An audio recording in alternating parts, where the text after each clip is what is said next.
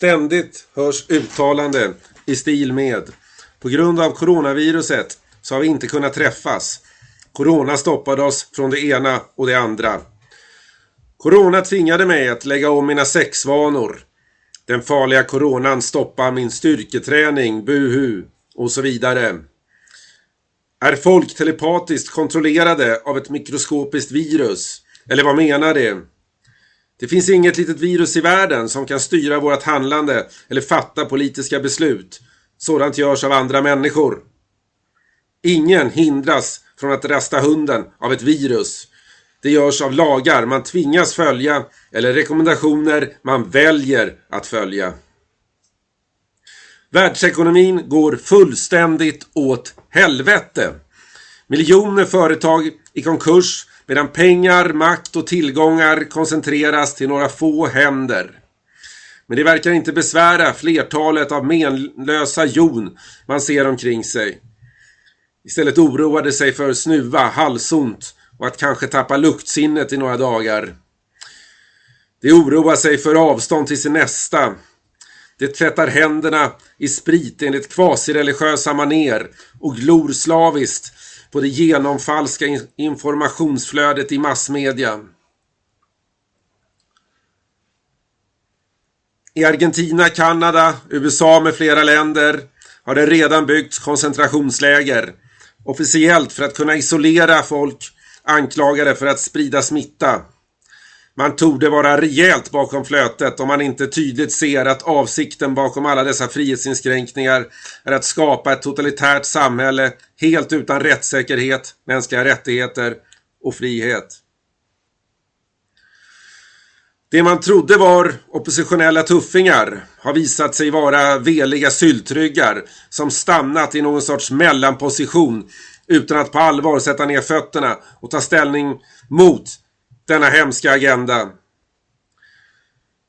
Något jag funderat på är hur detta är möjligt. Hur är det möjligt att så stora delar av världens befolkning lyder de allt mer absurda påbuden från överheten? Påbud som en medeltidsbonde skulle fnysa och skratta åt men sannerligen inte åtlyda.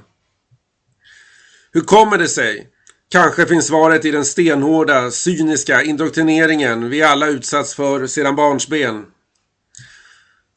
Propagandaministeriets tentakler som når ut överallt och predikar sitt diaboliska budskap med sådan intensitet att det knappt går att andas. Skola, massmedia och filmindustri har byggt upp ett så starkt konsensus att även många av de som tror sig vara i opposition böjer sig när makten pekar med hela handen. Endast enskilda individer kan numera stå emot den massiva propaganda vi utsätts för 0-24. Sedan tror jag att vi också har en del av svaret i koncentrationen av poliser i moderna stater vilken är helt unik och vida överträffar även gamla tiders mer auktoritära stater. Runt om i Europa springer polisen omkring och korrigerar folk som inte har munkorg. Eller andra som råkar ta en nypa frisk luft fel tidpunkt på dygnet. Polismyndigheten har också sedan länge sett till att få in inom citationstecken rätt folk i sina led. Slicka uppåt och sparka nedåt är den gällande devisen. Marken var alltså väl preparerad för den totalitära samhällsstyrning vi nu går in i över hela världen. Själv tänker jag att vi alla ska dö någon gång och att jag själv, mer än allt annat fruktar att behöva dö med känslan att jag aldrig försökte göra skillnad. Mina förfäder och efterkommande ställer hårda krav. För i helvete, Gör åtminstone allt du förmår. Och glöm inte, det är din plikt att ta risker för friheten.